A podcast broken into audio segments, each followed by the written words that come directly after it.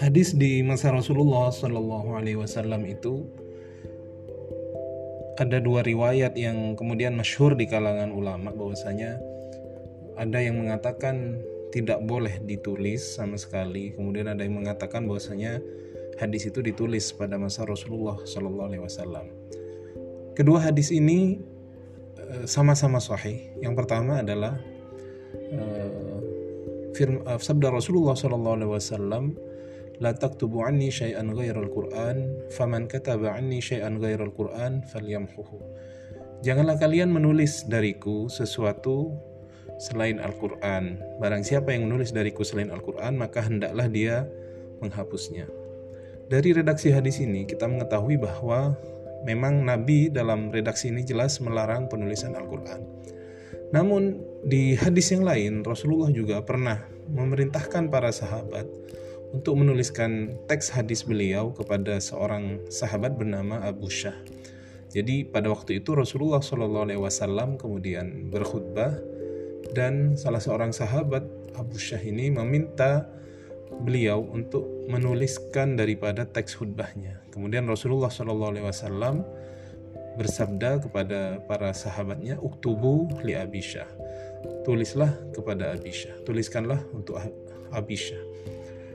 Jadi eh, mana bagaimana kemudian kita menyelesaikan dua hadis yang terlihat berkontradiksi ini? Maka kata ulama sebenarnya hadis ini bisa kita kompromikan dengan alasan bahwasanya penulisan hadis pada masa Rasulullah Shallallahu Alaihi Wasallam ketika sahabat Nabi Muhammad Shallallahu Alaihi Wasallam belum kemudian familiar dengan uslub Al-Quran maka Nabi melarang penulisan Al-Quran itu dengan karena memang uh, sah, Rasulullah takut kemudian Al-Quran bercampur dengan hadis beliau.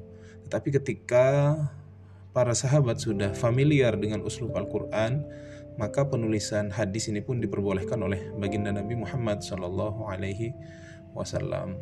Beberapa sahabat mulia beliau seperti Sayyidina Ali dan sahabat-sahabat yang lain memiliki catatan-catatan hadis dari Nabi Muhammad SAW yang mereka tulis karena inisiatif pribadi dan itu eh, disebut dengan sahifah. Adapun cara eh, cara sahabat kemudian menerima hadis dari Nabi Muhammad SAW memang menggunakan hafalannya Media tulisan pada waktu zaman Nabi hanya digunakan untuk menghafal. Jadi dalam riwayat disebutkan bahwasanya eh, sahabat menulis hadis Nabi pada media kemudian setelah hadis itu dihafal maka tulisan itu pun dihapus. Para sahabat Nabi sangat menaruh perhatian yang sangat sangat kuat terhadap eh, hadis beliau sehingga para sahabat itu berkumpul kemudian mereka saling Eh, mudarosah artinya saling eh, menghafal daripada hadis-hadis beliau yaitu Nabi Muhammad SAW. Kemudian ketika uh, di malam hari sebagian sahabat Nabi Muhammad SAW seperti Abu Hurairah itu membagi malamnya menjadi tiga, sepertiga untuk tidur, sepertiganya untuk soal apa beribadah, kemudian sepertiganya untuk menghafal hadis-hadis Nabi Muhammad SAW. Jadi memang para sahabat pada waktu itu sangat-sangat menaruh perhatian yang sangat besar terhadap hadis-hadis Nabi Muhammad SAW. thank you